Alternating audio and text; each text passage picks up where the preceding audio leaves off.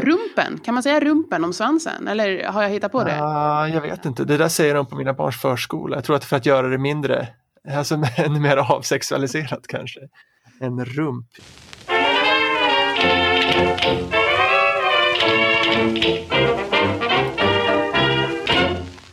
Lysand Lagoon. Välkomna till, till Lysande lagom. En podcast om svensk kultur, svenskt språk och om att lära sig svenska. Och jag heter Emil Molander, jag är lärare i svenska som andraspråk. Och jag heter Sofie Tegsvärden Duvå. Jag driver företaget Be Swedish som har kurser i svenska och svenskhet. Välkomna! Du Sofie, vad är den vanligaste frågan du får när du berättar att du är lärare i svenska? Oj, vad får jag då? Är det SFI? Eller kommentaren eller vad de säger? Det, det, första är, det, är det SFI eller? Um, Ja, just det. Och det är ju frågan liksom om jag jobbar för, för det som de flesta, flesta personer går i. Um, och, och, men, men jag jobbar jag har ju ett eget företag och jobbar privat. Men, men sen är det ju alltså frågor liksom, jaha, vad, vad, vad gör ni då? Um, vad, Ja, vad frågar de brukar- dig? Ja, men jag brukar, när jag säger att jag jobbar med utländska läkare, då säger de så här, jaha, men då är de väl väldigt motiverade. Ja, Alla säger det. Alla säger det. Och jag bara säger ja, vilka är det som inte är motiverade som, går, som har flyttat till Sverige och ska leva här? Liksom? Ja. Jag tycker det är, så, det är så konstigt och de tror att, ja, jag brukar säga så här, ja, de är ju studievana. Jag tror det är det de kanske menar egentligen. Eller så här, varför skulle en läkare vara mer motiverad än någon Ja, annan? men, ja, men det där har jag, det är en av mina hjärtefrågor, den här liksom motivationen man pratar om. Att det är så himla viktigt att folk ska vilja lära sig. Och, och, ja, det, det vill väl de flesta, men det, men det är egentligen andra förutsättningar som, som spelar mycket större roll. Om man har tid Ja. till exempel, om man har pengar för en bra kurs, eh, om Ja. man har bra läromedel, en bra lärare. Och, ja, ma- massa, Ja. massa saker. Och sen ska det ju passa in i livspusslet också. Om man har, Mm. Man kan vilja hur mycket som helst utan Ja. att det blir någonting. Ja. Men man, man kom, och de flesta vill. De flesta vill. Men vad, vad, är, vad är svårt med att lära sig svenska då? Om man, om man, förutom då om man inte har motivationen. Ja, men det är, ju, det är ju mycket som är svårt eller inte svårt. Det beror ju lite på vem man är och sådär och vad man kan innan och sådär. Men, men det som jag tänkte, som, är, som jag tycker är kul att prata om, det är ju det är ju själva orden och ordförrådet. För man, det är klart, självklart så ska man lära sig grammatik, man ska lära sig uttal och uttal kan vara ganska svårt. Grammatik i svenska är förhållandevis enkelt. Det är ju det mesta är kanske inte svårt jämfört med om man ska lära sig fransk grammatik eller tysk grammatik eller till och med engelsk grammatik. Ehm, men om man, om man kan det, man kan lära sig grammatiken till fulländning nästan. Man kan lära sig ett, ett bra uttal. Men sen har man det här med orden och ordförrådet och uttrycken. Mm. Det tycker jag är jätteintressant att eh, hålla på med. Det är ganska intressant. Jag, jag, jag, jag brinner också just för det här med orden och vokabulären och redan från ett tidigt stadium att liksom integrera så många ord som möjligt. Eh, och att liksom hitta metoder för att lära sig ord, snabbt, alltså hitta bra ord, lära sig ord, komma ihåg ord, använda ord. För att ofta hos många av mina kursdeltagare finns någon slags vanföreställning om att språket är någon slags liksom ekvation och då är det ofta mycket fokus på det här med grammatik. Att man liksom ska sitta där och liksom analysera de här olika tabellerna man håller på med och sen liksom någon dag så kommer man till, liksom, då faller saker på plats och man har liksom lösningen och då, då kommer man kunna svenska. Eh, Ja. och, och det där faller ju ganska snabbt för att n- när man har den inställningen då glömmer man, då tycker man inte orden är viktiga för man vill förstå Mm. hur språket fungerar. Eh, men, men språk är ju, språk är ju ord liksom. Ja. ja, men precis. Man kan ha en fullständig förståelse för språket men man kan Mm. ändå inte använda språket lika bra. Och, och det är ju inte samma sak. För att, jag tänker, i, I mitt jobb, jag träffar ju folk från väldigt olika språkbakgrunder. Men när, när man har träffat sig hundra italienare, jag har ju en väldigt bra uppfattning om hur italienska fungerar. Jag vet, i- liksom rent kontrastivt mot svenskan har jag lärt mig hur italienare tenderar till exempel att prata om tid. Och på så sätt har jag liksom listat ut det italienska temposystemet. Men det betyder ju inte att jag kan prata italienska alls. Nej. Jag kan inte säga inte ett ord på italienska. Men jag vet hur det fungerar. Eh, Ja. Ja men precis, och det där, det där märks ju också när man kommer ut i arbetslivet. För det är ju ofta, jag, träff, jag har ju ofta läkare då, då ska det vara väldigt intensiv kurs. På ganska kort tid ska man lära sig ganska mycket. Och då jobbar man mycket med grammatik och uttal och förståelse. Och så försöker man pressa in så många ord som möjligt. Och även om man jobbar hårt med det så, så är det ju ändå liksom några tusen ord som man kanske hinner få in eh, på en kurs. Mm. Och det där, alltså man kanske kan klara sig på en arbetsplats om man kan fem eller åtta tusen ord Mm. eller någonting sånt. Men om man jämför då liksom en infödd sjuåring har man räknat ut och kan i genomsnitt 10 000 ord. Ja. Så efter liksom ett eller två år i Sverige så kan man prata ganska bra men, men ditt ordförråd är ändå väldigt litet förhållande till... Mm. Sen kanske det inte är exakt samma ordförråd som en Nej, sjuåring har. det är det inte. Absolut inte, men, men, men det är ju ganska begränsat. Men, men hur många ord, har du någon aning, alltså hur många ord man kan lära sig liksom, per dag eller per lektion? Vad, vad, vad finns det? Finns det någon? Nej, det vet jag inte. Alltså det, det där håller väl eh, de här tolkskolan på med Ja. när man gör lumpen. De, de ska ju, där ska man ju lära sig, jag vet inte hur många, är det tusen ord per dag eller någonting sånt. Ja. Men det är, det är ju ganska svårt. Och sen beror det på, sen beror det på vad man menar med att kunna ett ord också. Jag, Mm. jag vet vad det betyder, men, men hur använder man ordet och hur ser formerna ut och så vidare. Så det är, det är ju ganska mycket med det. Eh, Ja, just jag det. tänker- Jag, jag, jag tänker, för det, det är ju ganska intressant om man tänker liksom på det här, kan man ett ord eller kan man inte ett ord? Att, om man tänker på sig själv, det finns ju vissa ord som man kanske läser i en text och ja, förstår ungefär vad det betyder och man tycker liksom att man kan det. Men, men kan man använda det själv? Skulle jag kunna liksom använda det här i en mening? Och då, oh nej, men jag vet inte riktigt vad det betyder. Så det är en gråskala där över liksom vilka ord man kan och beroende liksom i vilket sammanhang de presenteras och sådär. Så det är Ja. inte liksom att man har en lista, de här 10 000 orden kan jag och resten av dem kan jag inte. Utan det är Nej, mycket, mycket luddigare än så. Ja, men det är dels det där som, som man brukar kalla för aktivt och passivt ordförråd, fast Mm. nu för tiden säger man väl receptivt och produktivt ordförråd. Ja. Alltså produktivt, Fast- du kan använda orden. Fast, fast det, jag, jag tycker ändå det finns liksom, det är ingen riktigt klar gräns mellan det heller. Nej. Nej. Nej, men det är ju inte det. Och om du kan, om du kan ordet liksom eh, köpa, Mm. ja du vet att det heter köper och köpte, men, men vad kan man köpa då? Kan man, alltså, vad kan man använda det tillsammans med? Och, Det kan skilja sig mellan språken. Ja, och det är ju ett transitivt verb, vilket väldigt många av mina, eh, alltså eh, ett verb som måste komma med ett objekt. Alltså du måste köpa en liter mjölk eller en ny bil. Och, och det är väldigt vanligt fel bland kursdeltagare att liksom, ja, i, idag ska jag köpa. Ja, jag var på stan och köpte. Ja, Ja. vi ska åka och köpa. Ja, Precis. Och det är också, tror jag, ibland att de blandar ihop det med shoppa, eh, som är ett Ja, eh, engelskt ord som vi har lånat in. Och kanske också handla, det, kan man, det är också intransitivt. Jag ska gå till ICA och Exakt. handla kan man säga till exempel. Ja, precis. Men, men ja, visst, man vet vad köpa betyder. Alltså, det är självklart. Ja. Buy, to buy something, kaufen på tyska. Men, men det betyder ändå inte att du kan det på, på alla sätt. Och, och vad betyder köpa ut till exempel? Det är Ja. något helt annat. Så, så att, det, där, det, där, det är väldigt, det är väldigt stort. Ja. Språket är stort och varje ord har ganska stort utrymme.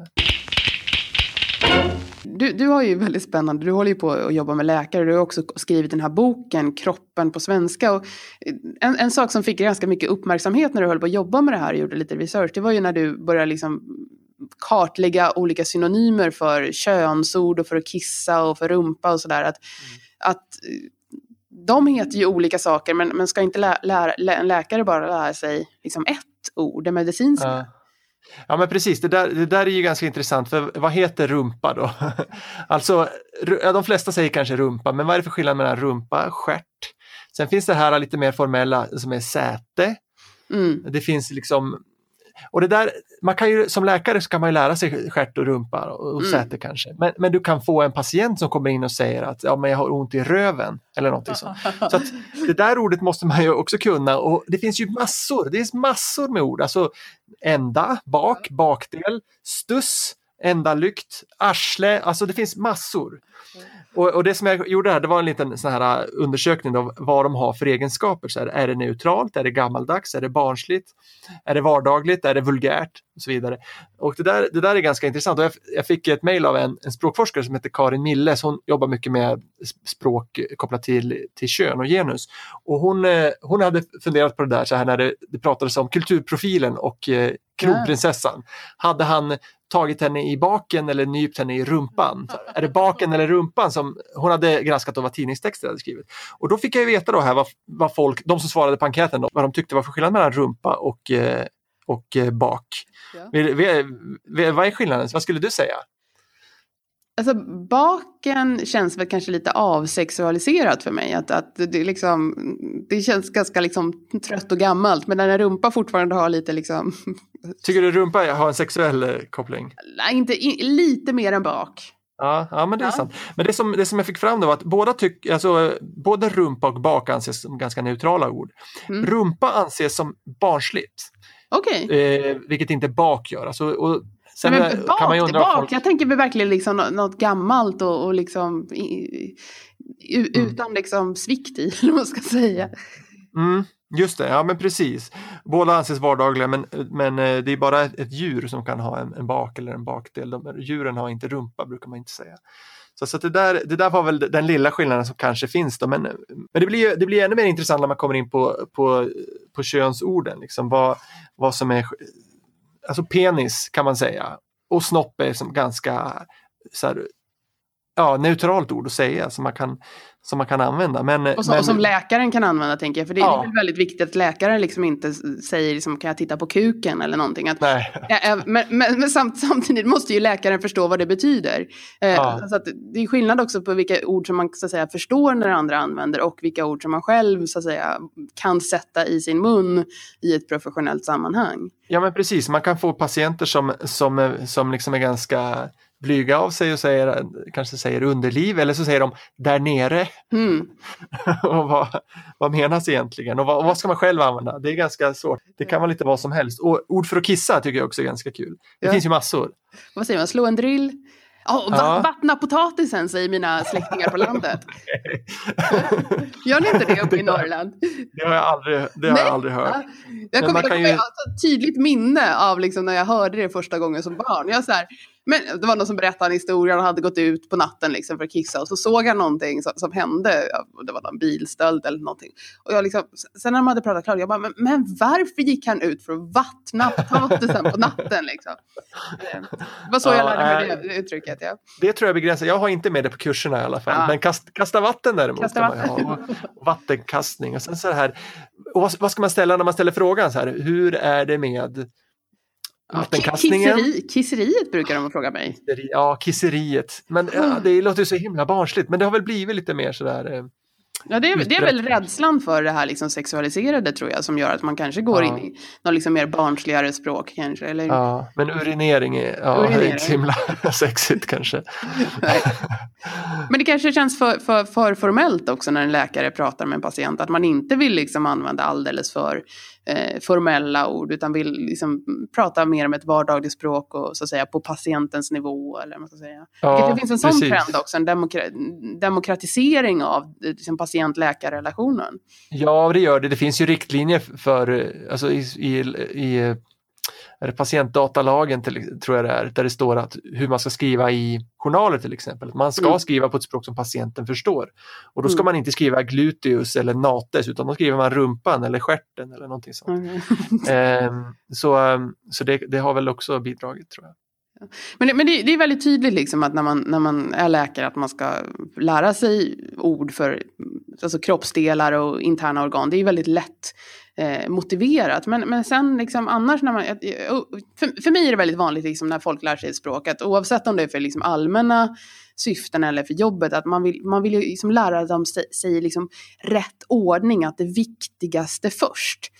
Eh, och, och du vet, det finns såna här Facebookgrupper när folk liksom ska lära sig svenska eller lära sig svenska för jobb och sådär som jag brukar följa för att få inblick i, i, i hur mina eh, kursdeltagare tänker också när inte jag är där. Men, men, men då cirkulerar det ofta, det finns någon som har ställt samman ett, ett dokument med svenskans tusen vanligaste ord. Mm. Eh, och det där tänker man, nu ska man lära sig de vanligaste orden först och sen liksom, de är viktigast. Och, och sen lär man sig resten. Eh, men, men vad jag upplever ofta är liksom, när, jag har kurser, att det är klart i början så blir det ju liksom hej och hur mår du och nu ska jag äta, dricka, sjunga, eh, spela fotboll, gå till jobbet. Där, där känns det väldigt lätt liksom att ja, men, det här är motiverat, det här måste jag kunna. Men sen plötsligt kommer vi in på ett ord och de liksom, men varför ska jag lära mig ordet eh, fästing? Jag är aldrig ute i naturen. Alltså, det finns liksom en motvilja till att, att lära sig ord som, som, som liksom man inte känner någon egen liksom relation till. Vad, vad, vad, varför Ja. är det så tror du? Eller känner du igen det här? Ja, det är konstigt. Nej, men det, det, ja, lite grann. Det, det är väl att man tror att det finns någon sorts gräns för hur, mycket, hur många ord man kan lära sig. Så att man har någon slags budget, att man liksom hushållar med, med utrymmet i hjärnan. Ja, men precis. Men det här med frekvensband som man kallar det, det här med de tusen vanligaste eller två tusen vanligaste orden. Det där är ju mycket mer vanligt utomlands. Ja. Det börjar komma först på senare tid till, till Sverige tror jag. Eh, men jag har en ganska intressant, läst en ganska intressant sak om det där. För att det finns ju Ja, dels så kan man säga de tusen vanligaste orden och nästa tusen vanliga ord och så upp till liksom 5000. Och De är såklart viktiga för de hör man ofta. Ja. Men sen beror det på vad man ska göra med språket också. Man behöver ju de ord som man behöver använda. Och då finns det någonting som, på både svenska och engelska så har man ställt samman då någonting som heter akademisk ordlista. Ja. Alltså de vanligaste orden inom ja, studier inom eh, universiteten. Eh, Det är Mm. därifrån de kommer, men det är också sånt som används i arbetslivet ganska ofta. Och då är det någon eh, forskare som har upptäckt att om man lär sig först de, eh, nu minns jag inte om det var tusen eller 2000 vanligaste orden, istället för att lära sig nästa frekvensband, istället för att lära sig nästa tusen ord, så är det bättre att lära sig de här 500-600 orden som finns i den akademiska ordlistan Okej. för att klara sig på arbetet. För att om du ska jobba på ett universitet till exempel. Så då har man liksom mer nytta av det. Och det här är, någon, det här är engelsk forskning för där, där tittar man noga på det här med, med frekvensbanden. Mm. Men, men det är ganska intressant ändå att, att det finns den här samlingen. Det beror på vad man ska göra. Man skulle kunna göra liksom en frisörordlista också och säga de här är viktigare för dig som ska jobba med det. Men, men eh, det, det har väl inte gjorts än vad jag vet. Mm. Ja, men det är jätteintressant. Jag tycker också det här, nu, nu kommer du in på liksom att det finns studier på engelska och svenska, men, men en, en sak som, som, of, som jag ofta får som en reaktion det är också det, här ordet existerar inte på mitt språk, eller det här ordet är väldigt ovanligt eh, på mitt språk. Och, e, eller det här ordet är väldigt vanligt på mitt språk, det vill jag använda i svenska. Att man, man, man gör den här frekvensbedömningen liksom från ett, ett annat språk i svenskan. Och ett exempel på det, det är ordet föredrar. Mm. Det är ju väldigt, väldigt, väldigt vanligt på, på engelska till exempel. I, I prefer coffee to tea. Att jag föredrar eh, kaffe över te. Men det, säger du det? Nej, jag säger aldrig det. Alltså, jag, jag har försökt liksom göra någon bedömning. Jag tror jag använt ordet föredrag tio gånger i mitt liv. Och det är säkert en enorm underdrift. Men, men Ja. det, det kommer inte naturligt mig. Utan då använder jag ju istället satsat-verbet hellre eller helst. Alltså jag dricker helst Ja. kaffe. Eh, och det där kan vara jätte, jättesvårt att, att, att, att acceptera. Att det liksom finns en annan typ av ord som man använder för att säga kommunicera samma sak. Eller eh, Ja. det här hjälpverbet brukar som inte liksom existerar på, på engelska eller många andra språk. Att Just det. Och då vill, där, har man ju ofta så här, om jag, om jag som svensk skulle säga, ja jag brukar dricka kaffe till frukost, då säger mina kursdeltagare helst, jag dricker vanligtvis en, en Ja. kopp kaffe till frukost. För att ja, de tar det engelska usually som man säger, ett adverb och inte ett verb för, att- för att Mm. förklara den här grejen. Ja, men det där tror jag är en viktig sak i vårt arbete som lärare, att visa på vad som är idiomatiskt. Ja, Det där säger jag ofta så här, ja, det där är ju inte fel. Man Nej, kan säga så, men det är, låter- det, är in, det är inte idiomatiskt. Det låter inte lika bra. Vi brukar säga så här. Ja. Och det finns ju en poäng att då säger han, men jag vill inte, jag vill inte låta så. Eh, men, men det handlar ju också om att förstå vad andra säger. Att, att, att, alltså, att när man lär sig ett språk, det handlar ju liksom också väldigt mycket om att imitera. Därför att det är ju ett socialt kontrakt. Liksom, att om, man, om man kan säga en sak, då, då förstår man också när en annan person säger samma sak. Så man kan ju liksom inte uppfinna sitt eget språk och använda de ord man själv liksom tycker är, är bra. Utan det, det är ju väldigt, det, man, måste ju liksom göra vad andra gör och liksom passa in och ja, Ja, vara som jag de andra. brukar, jag brukar säga att, att det är ju, språket ska ju inte märkas. Alltså man, man vill ju inte att någon ska tänka på hur du säger någonting, utan man vill att du, de ska tänka på vad du säger. Mm. Och inte ta liksom den där extra sekunden för att liksom processa, jaha, så där sa han. Nej, okej, men menar han menar det här. Ja. Så det blir, det blir jobbigt att prata med en person som uttrycker sig så okonventionellt hela tiden. Jag tänker komma tillbaka, för du, du pratade lite om det här med rumpan och könsorganen, kiss, kisseriet. Eh, alltså, du har ju en roll som lärare att liksom presentera eh, och hjälpa till att välja det här ordförrådet och framförallt för att, eh, alltså, att liksom hjälpa kursdeltagarna att, så att säga, välja rätt ord och mest naturligt uttryck. Men, men har du också en roll liksom att censurera här, att ni, ni får inte säga röv? Eh, eller du kanske inte ens till och med vill berätta att ordet röv existerar för att du tycker det är så, så, så, så vulgärt. Liksom. Har du någon, Ja. vad, är, vad är vår roll där tycker Ja, du? men precis. Det där hör man ibland och där kan man läsa i Facebookgrupper för, för lärare och sådär. Talar ni om för dem att det heter, att, säger ni ordet dagis eller säger ni förskola? Så att, berättar ni för dem att dagis finns? För man ska ju säga förskola. Eh, och så här, eller lär ni dem att hen finns eller säger ni inte att det finns, ordet hen? Och det där tycker jag är så himla knäppt. För att då tar man inte, då tar man inte sin kursdeltagare på allvar som en vuxen människa. Alltså ska man dölja och censurera? Nej, det går inte. Alltså, jag kan säga så här, ja, det heter förskola, men nästan alla säger dagis, för så hette det förut. Det hette daghem och det blev dagis. Så Mm. man måste lära sig båda och, och, och sen så är det klart att man berättar att det finns ett ord som heter hen och det betyder varken han eller hon eller båda. Men då, då är det ju mitt jobb att också förklara kontexten. Ja. Att om du använder hen, då kan vissa tycka att du är onödigt PK eller vissa, alltså det är en liten signal att du, du har någon sorts värdering om du använder det. Mm. Så det är ju det man måste berätta då. Annars så tar jag dem inte på allvar om jag bara säger nej, nej, det där hen, glöm det. Ja. Eller ni måste använda hen. Ja, precis. För det finns ju också sådana som propagerar liksom att ja, men det här tycker jag är, är rätt liksom, att använda hen och, och, och då måste ni också göra det för ni, ni ska Ja. göra som jag säger. Så det är väldigt viktigt tycker jag att, att dels att man kontextualiserar som du säger men också kanske förklarar att, alltså så går in lite, vad, vad finns det för associationer och, och vilken typ av människor använder det här och vad- vad är reaktionerna? Eh, och liksom det här med dagis, förskola, jag vet att jag själv använder ordet dagis lite i sån här rebellsyfte. Fy. Liksom. Eh, men, men, men att, att jag kan förklara att jag gör det, men det är fel. Och, och ni kommer antagligen höra mig säga det. Och vad, vad är liksom reaktionerna i vilken typ av så att säga, målgrupp och sådär. Att, att det är verkligen viktigt, för det är ju också en kulturell insikt att, att förstå hur, hur liksom resonemanget och det politiska resonemanget och värderingsresonemanget pågår i samhället. Det är ju, Ja. det är lika viktigt som att lära sig, sig språket, tycker jag. Ja, men precis. Alltså, man måste lära sig vad, vad folk har för konnotationer till, till orden som, som vi använder. Det är Mm. ju så. Och hur är det med svärord? Ska, ska utlänningar få svära på svenska? ja, det är klart de ska. Ja.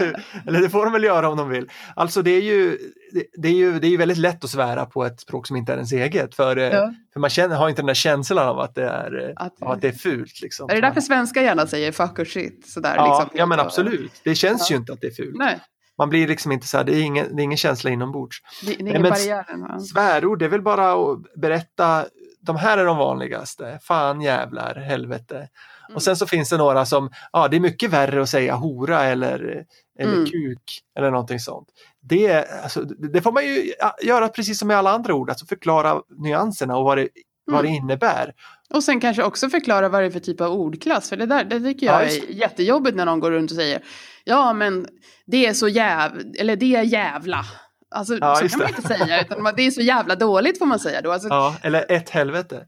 Ja, men samtidigt ta liksom debatten, alltså ska, när man, ska man använda svärord, i vilka sammanhang eh, Ja. kan det ses som ett problem och så vidare. Precis, du kan säga fan på jobbet men du kan inte säga fitta. Precis. Det, ja, men det, det, måste man ju, det måste man ju ta upp ja. Ehm, men, men det där är också intressant, för det har jag också sett på många kurser, liksom att, att, att eh, det finns lärare som har en viss liksom, politisk åsikt eller värdering som sen eh, han eller hon känner något ansvar för då, att liksom ge vidare till kursdeltagare. Man kanske själv är vegetarian, liksom, att, att, att man, man ta- tar det som en del av sin undervisning. Och vad tycker du om det? Kan man liksom, hur, hur mycket Ja. får man dela med sig av sina värderingar och åsikter när man har kurs? Ja, det, det är klart man måste ju visa sig själv som, som människa och vem man är och liksom dela med sig av det om man förväntar sig att eleverna ska göra samma sak. Men, men eh, ja, alltså vissa saker kan man ju liksom inte vara helt neutral i. Man kan i, Mm. alltså homofobi till exempel, det måste man ju förklara att nej, men det där är inte, det är inte acceptabelt att göra sådär i Sverige, liksom i, i, generellt i samhället. Om du säger om du säger sådär om homosexuella, då kommer folk att bli rädda för dig. De kommer tycka Men, att men du... det, där, det där tror jag är jätteviktigt. Alltså, jag, jag, tror, jag tror det är väldigt, väldigt svårt att säga till folk vad de ska tycka. Ja, eh, dessutom kan folk bli väldigt provocerade om man säger nej men du får inte tycka, du får inte tycka att liksom, det är något fel på homosexuella. Eh, även om jag menar, från min, mina, min svenska värderingsgrund så låter det här liksom jätteabsurt. Men, men Ja. jag tror att att, att säga så så får man nästan en motsatt reaktion för då blir det väldigt viktigt för de här personerna att liksom tycka tillbaka. Eh, men däremot har jag upplevt, för det, det, det händer ju att man träffar liksom kursdeltagare från mer traditionella eh, kulturer och sådär och att, att det kan uppstå liksom vissa konflikter relaterade till exempel till homofobi. Och, Mm. att, att, att det är väldigt viktigt att säga vad kan man säga och vad är reaktionen, alltså vad, vad, vad händer om du säger så här? Och det där tycker jag det tycker inte så många är liksom så svårt att acceptera. Att man säger, ja men du får inte säga det här. Det, det, det, är liksom, det, det tycker vi är homofobiskt och då kommer reaktionen bli sådär, okej okay, ja, Ja, så då, precis. men då säger jag ingenting. Liksom. Och så sitter de och tycker i tysthet. Eh, Ja. och, och sen, Ja, eller du, kan, sen du, kan säga, du kan säga jag förstår inte det där. Eller Ja. någonting sånt. Men Ja. du kan inte säga att det där är fel och dumt. Och, Nej. Men Och, det är och, och, jag, jag har liksom något så hopp att om vi låter folk liksom tycka det de vill, men inte, alltså, vi är tydliga med vad man inte får säga. Alltså, folk anpassar sig till det. finns studier också som visar att man liksom börjar suga åt sig de här värderingarna så småningom i ett nytt land. Så Mm. de här personerna som kanske kommer från Ryssland till exempel och är väldigt homofobiska, de kommer vara helt liksom, assimilerade in i svenska. Men det där är helt okej att gå och klappa på Pridefestivalen om fem, sex år. Liksom, det löser sig. Men vi kan liksom inte tvinga in dem till det nu, här på språkkursen. Liksom, utan vi lo- måste låta det ta, ta det, den tid det tar. Liksom. Nu kommer vi iväg lite från det här med ordförråd. Men Ja, men, men tillbaka till orden här. Liksom, vad är det som är svårt? Vad, upplever du liksom är svårt när man lär sig svenska? Vilka, vilka ord är svåra och varför är de svåra? Och... en sak som är jättesvår är det här med fasta fraser. Och det kan vara jättesvårt även om man har bott länge. Och det, det är sån här, dels är det såna här uttryck som ja, han har rent mjöl i påsen eller han ska alltid hålla låda eller det är en dans på rosor. De där uttrycken kan vara konstiga och svåra. Och, men även så här när man sätter ihop ord på vissa sätt. Man säger i och för sig. Oh, Ja, ja, man, jag, kan, jag kan ordet i, jag vet vad det betyder, och, för och sig, men vad sjutton blir det när man sätter ihop Precis. det? Och det, betyder, det är jättesvårt att förklara också. Eller som här att man säger, ja men det är fullt upp. Mm. Det där är ju supersvårt, just för att man kan inte se på ordet vad det betyder, fullt upp eller i och för sig. Eller rent mjöl i påsen. Jag förstår alla de fyra orden men sen så är det viktigt med de här att man visar rent grammatiskt hur de kan användas. Ja, de, man, gud kan ja. inte, man kan inte böja dem hur som helst. Man kan inte säga eh, hålla lådan. Eller Nej. hålla lådorna. Han stod och höll, höll lådorna. För då blir det liksom det konkreta. Eh, och det där, det där är ju jätte, man måste verkligen komma ihåg att det är låda, obestämd form singular. Man kan ändra på hålla. Man kan säga han höll låda hela veckan. Ja, men inte Eh. Men du kan inte Men det- ändra på lådan. Men det är väldigt vanligt, alltså väldigt vanligt även på nybörjarnivåer, det är ju att jag tittade på tvn i helgen. Eh, Mm, just det, på tvn. ja, det är ganska kul. Och det kan man göra. Så, men, där, men där gäller det ju också, för det, där kan man ju hamna i en liten debatt sen, att man sitter liksom, men, men, men jag tittade på tvn, Ja. var, jag, hade liksom, jag hade så tråkigt och orkade inte sätta på den. Ja. Ja. Okej då, ja men du tittar på tvn. Eller det här som min, min, min fru då, hon sa någon gång till barnen så här, nej men nu måste ni hoppa i sängen. alltså hon menade hoppa i säng. Så det är ganska stor skillnad. Hoppa i sängen, ja. Mm. Ja. Fast det, som är kul, alltså det som är intressant där, det tror jag vi, vi har pratat om någon gång, det är att, att eh, ibland där så vill man ju göra liksom en liten ordlek, att, att Mm. eh, som, som din fru kanske skulle vilja säga någonting, att ja, men sluta hoppa i sängarna och hoppa i sängen. Alltså, Ja. Att hon vill göra något kul där, men, men då, då är det ju väldigt vanligt att svenskarna liksom direkt tänker, det där är ingen ordlek, det är inte humor, det där är fel. Ja, precis. Oj, hon visste inte hur man, vad det heter. Hon sa fel. Det är bäst jag rättar. Eller när man, du vet, man har gått på Systembolaget och köpt en massa vin och så går man hem med sina tunga påsar. Då kanske någon vill säga, ja men nu har vi inte rent mjöl i påsarna, ha ha ha ha. Sådär, Ja. och då så här, nej, påsen ska det vara. Ja, Eh. precis. ja, nej men precis. Nej, men det, det, är ju, det där är det många som vittnar om att det är, det är svårt att skämta på ett annat språk eller göra ordvitsar eller någonting sånt där. Att det, det, det funkar inte, det är bara, det är bara att glömma. Men annars pratar vi också om det här med, med att det faktiskt blir fel och ofta är det ju stavfel och både du och jag och vår kollega Ina rapporterar om det, det här ordet fortsätter. Jag tror aldrig någon av oss har sett ordet fortsätter rättstavat. Det är något konstigt med det, de skriver försätter istället. De skriver försätter med ö och utan t. Ja. Har du någon hypotes var det kommer Det är ifrån? jättekonstigt, men det, det måste nästan vara att de inte hör att man säger fort. Alltså det är det här RT som blir en assimilation som är T istället för Precis, ja. C. Det är väl där, det är därför det försvinner kanske. Fast då skulle det kanske bli fot, fotsätter istället. Ja, just det. Ja. Alltså jag, jag tror det är ofta det är svårt det här med å, ö. Och det finns ju vissa ord som använder till exempel där vi har a och ä. Det blir ofta lätt en-vander till exempel. Att man liksom inte kommer ihåg. Man, man ser ju inte de här som separata bokstäver utan man ser det som ett a med två prickar. Eh, och det tror jag är en liksom ganska stor skillnad att man har svårt att, alltså då blir det svårare att komma ihåg vilket som är vilket liksom. Mm. Eh, Så jag tror alla ord med å, ä, och ofta är det många som blandar ihop å och ö. Eh, ofta för att Ö då ser ut som ett O och O uttalas ofta som ett Å på många språk. Och då Ja, säger man det. till exempel att man får lön från banken istället för ett lån. Mm. Eller förstör, jag förstör vad du säger istället för jag förstår vad du säger. Ja, Eh, Så det där är ju väldigt, väldigt vanligt att det, att det är svårt eh, att hålla koll. Liksom. mm. Eh, Och, och det är också relaterat till det här med uttal. Ja, ja men precis. Ja, men det, är ju, det, det, ju, finns ju massor med sådana där typiska vanliga fel som till exempel ordet månader. Av någon Ja. anledning så vill alla Månader. uttala det fel. Månader. Monader, monader ja. Det där, och det där, ibland är det svårt att veta var det kommer ifrån. Alltså, okej, man kan tänka att på ett annat språk så uttalas, betonar man på vissa sätt, men alla säger fel på månader. Ja, det finns något annat. Rullader kanske man tänker på. Ja, om man precis. lärt sig det ordet. Ja, det, man lär sig det först, oxrullad, och sen kommer månad. Ja, undrar om man har gått för språkkurs då. Man är kock kanske och så hamnar man på praktik innan man börjar gå kursen. Fast det, fast det här med speciella ord, jag läste franska i högstadiet i gymnasiet jag kommer ju inte ihåg någonting av det. Men någonstans liksom i kapitel tre i första boken, då, då skulle man gå på restaurang och då var det ordet solmenière som är mjölpanerad och stekt skötunga. Alltså det där var ju fastande direkt, för det fanns en absurditet i det. Det är liksom det enda jag har med mig från Ja, sex års det där är och jag har aldrig använt det. Har du aldrig fått, eh, haft nytta av det? Nej, Min man äter ju inte fisk liksom. Nej, okej. Nej, skit också. Nej, men det där är konstigt. Ibland fattar man inte varför vissa saker fastnar och andra inte. Man önskar att man visste hemligheten så att man kunde liksom plantera orden. Hos... Ja. Alltså, jag, tror, jag tror väldigt mycket på det här liksom, att, att engagera känslor. Att, att, att skratta är jättebra. Att liksom lära sig orden och ha roligt samtidigt. Där, där på något sätt fastnar det. Och, om, och jag brukar tänka om det inte funkar med att skratta då får vi bli arg. Liksom, att vi har en konflikt. Och, då Ja, det, fastnar det, då, på något ja. sätt. Liksom. Ja, just det måste vara något att hänga upp, hänga upp det på. Liksom. Det kan inte vara en vanlig seg, liksom, långsam lektion om man tänker Nej. på annat. Utan man måste vara engagerad. Ja. Men sen är det ju saker som är svåra, alltså in, inte bara liksom, eh, svåra liksom att göra rätt, utan svåra att faktiskt förstå vad det betyder. Och då tänker jag, väldigt vanligt exempel, det är det här med tycker, tänker och tror, Mm. som på många språk är ett ord eller flera ord, men liksom inte har samma gränser mellan de tre. Det där brukar vara precis. jättesvårt att förstå.